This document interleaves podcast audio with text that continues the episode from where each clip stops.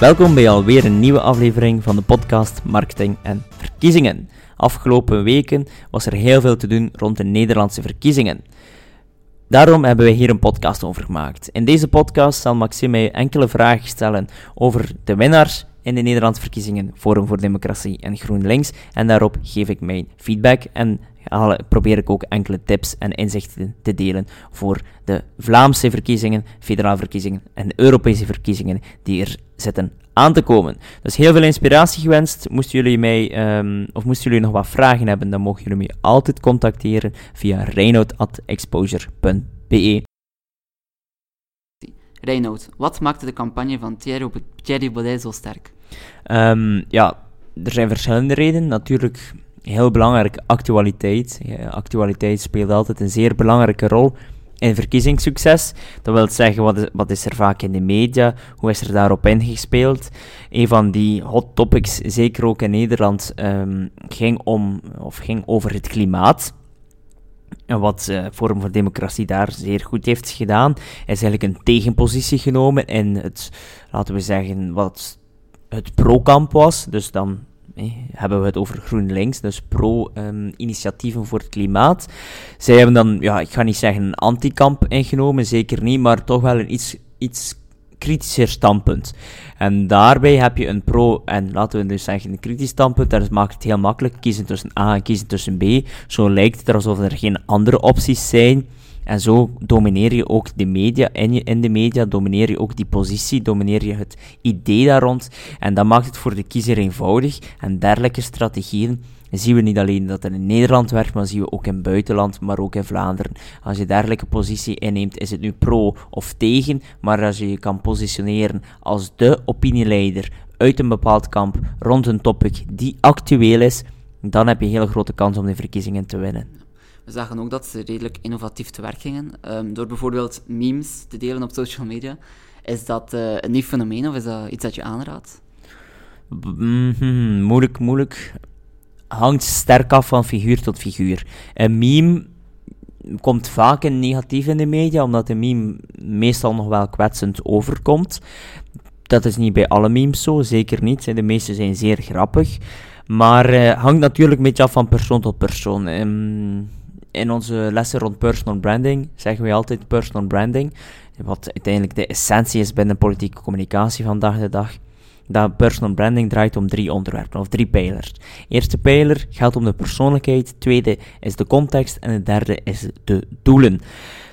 Dus een van die drie gaat om je persoonlijkheid. En afhankelijk van je personal brand ga je ook je communicatie aanpassen. Maar als dat niet past binnen je persoonlijkheid, humor bijvoorbeeld, memes, als dat niet past binnen wie je bent of hoe je jezelf wilt positioneren, als je bijvoorbeeld als een zeer serieuze professor wilt uh, positioneren, wat op zich perfect kan in verkiezingen en in campagnes, dat kan perfect ja, dan gaat dat waarschijnlijk niet binnen jou passen. Als je wat als vernieuwend wilt overkomen, wat die memes toch wel een beetje zijn en toch dat imago hebben, ja, dan is dat een, zeer mooi voordeel en een troef in je campagne en kan je dat wel gebruiken, ja. Die memes werden vooral gebruikt op Instagram uh, om jongeren te bereiken dat, is dat iets dat nu echt nodig is om jongeren te bereiken, of zijn er ook andere manieren?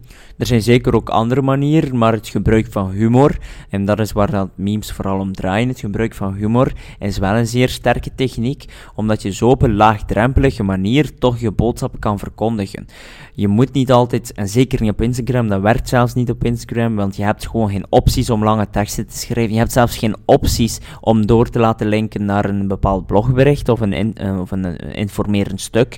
Dus je moet het zeer laagdrempelig houden, houden met, met niet te veel informatie, maar dat kan bijvoorbeeld via memes of via leuke foto's, korte filmpjes. En daar is Instagram geschikt voor. En dat is ja, wat men ook vraagt op Instagram en wat dan vooral de jongere generatie vraagt niet de inhoudelijke, diepe analyses. Ik spreek nu even in algemeenheden. Natuurlijk zijn er ook heel veel jongeren die daar wel in geïnteresseerd zijn. Maar nu al algemene trends zijn ze daar minder geïnteresseerd. En dan werken uh, kort, kort door de bocht soms, eh, wat scherpere memes, uh, wel goed op Instagram. Ja, is dat dan niet een beetje een verkleutering van de politiek? Hmm, ja, de ene meme, bij de ene meme kan je dat al meer zeggen dan bij de andere, dat klopt, ja. Maar de verkleutering van de politiek is misschien wat scherp gesteld. Het is wel zo dat bepaalde zaken wat meer kort door de, misschien soms te kort door de bocht zijn, dat zeker wel. Maar ehm, uiteindelijk moet je ook kijken waarom dat dergelijke zaken gepubliceerd wordt. Heel vaak is dat omdat de ontvanger, de boodschap, de, de, de kiezer hier in dit geval, het ook niet wilt, die lange analyses. Dus wie nu de schuldig is, dat, dat, het, dat valt over te discussiëren, vind ik persoonlijk. Maar ik kan ook zeggen, ja, politici moeten, uh, moeten het goede voorbeeld tonen. Maar een uh, zeer ethische, ethische kwestie, uh, Maxim. moeilijke vraag dat je me nu stelt.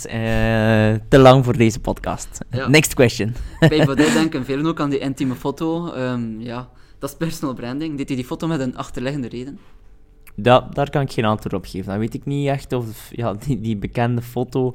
En echt een, ja, sowieso is dat met een achterliggende reden. Hè. Een, politiek wordt er niet zomaar geplaatst. Zeker niet dergelijke foto's. En, ja, het is toch heel uitzonderlijk dat dergelijke foto's online worden geplaatst.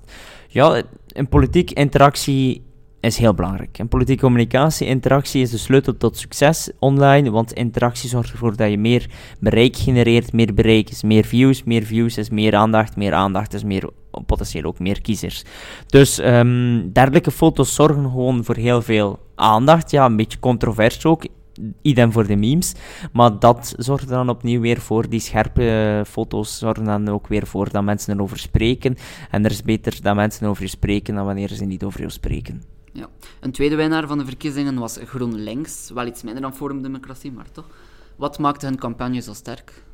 Wel hetzelfde als bij Forum voor Democratie. Zij hebben de, de publieke opinie heel goed ingeschat en hadden natuurlijk ook wel geluk dat hun thema groen, ja, hun, naam van de partij zegt het zelf, groen, um, dat, ja, dat zij dat geclaimd hebben in het topic.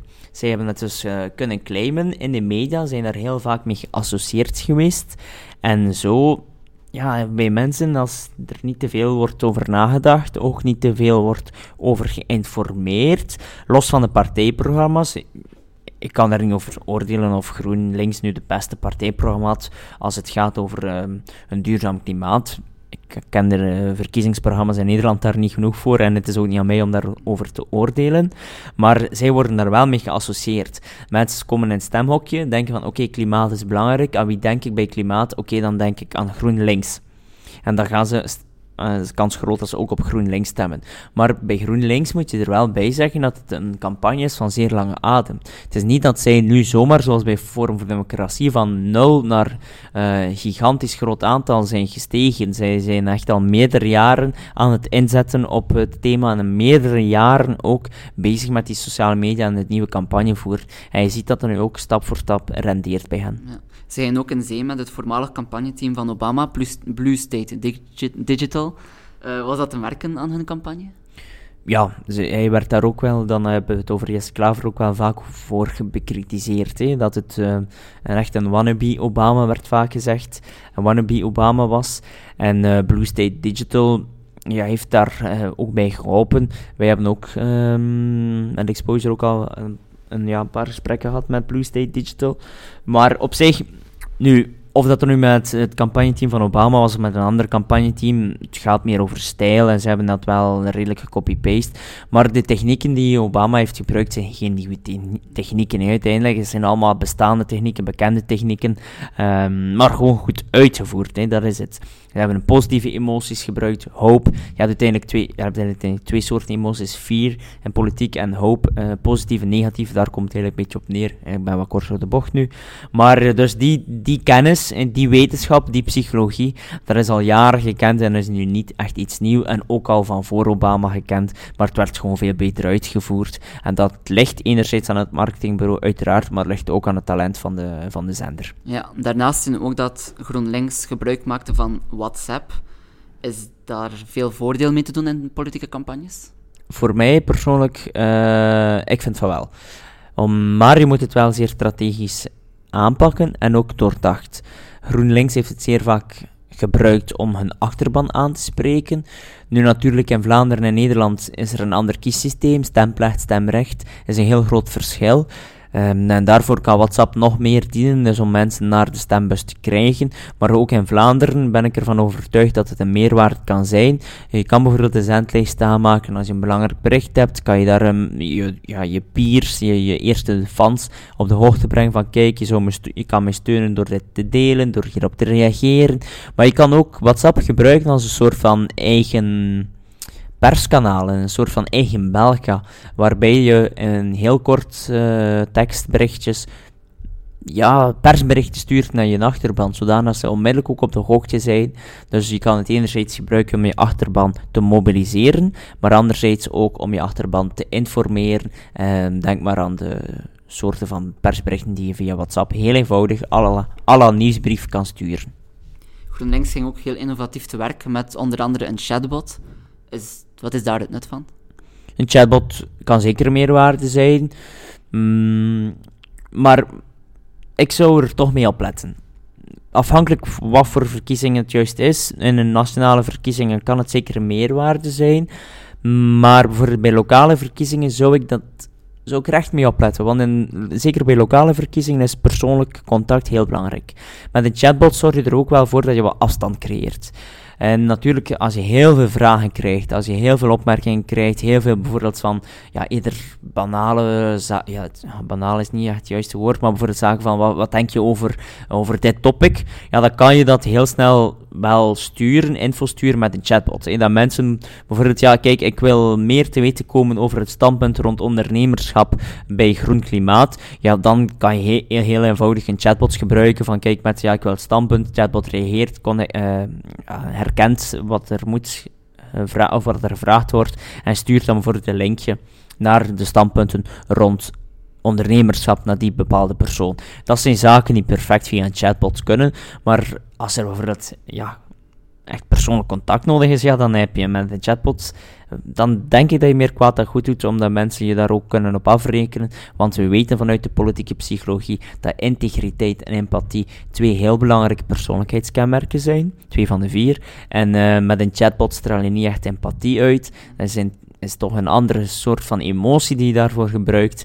En daarom zou ik dat niet altijd aanraden. Dat kan een meerwaarde zijn voor puur informatieve doeleinden. Heb je, wil je connectie maken met je kiezers? Wil je, wil je echt een band smeden met je kiezer? Wil je inzetten op die emoties, wat cruciaal is in een politieke campagne? Dan zou ik opletten met een chatbot. We zien ook dat beide partijen gebruik maakten van microtargeting.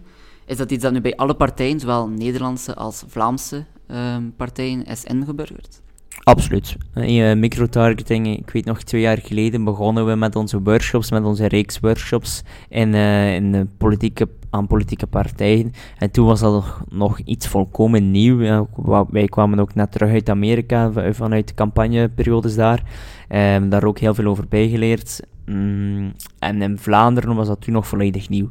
Maar nu ondertussen, ja, ik merk dat ook in de consultatie-sessies die wij geven en de vragen die wij krijgen, dan gaat het dan niet meer over wat is microtargeting, maar dan gaat het echt aan Reinoud, kunnen we even samen kijken naar onze microtargeting uh, strategie, kunnen we even kijken naar de resultaten en dan gaan we dus echt wel een stap verder. Het gaat niet meer van ontdekken, nu gaat het echt over optimaliseren en dat is toch een groot verschil met twee jaar geleden.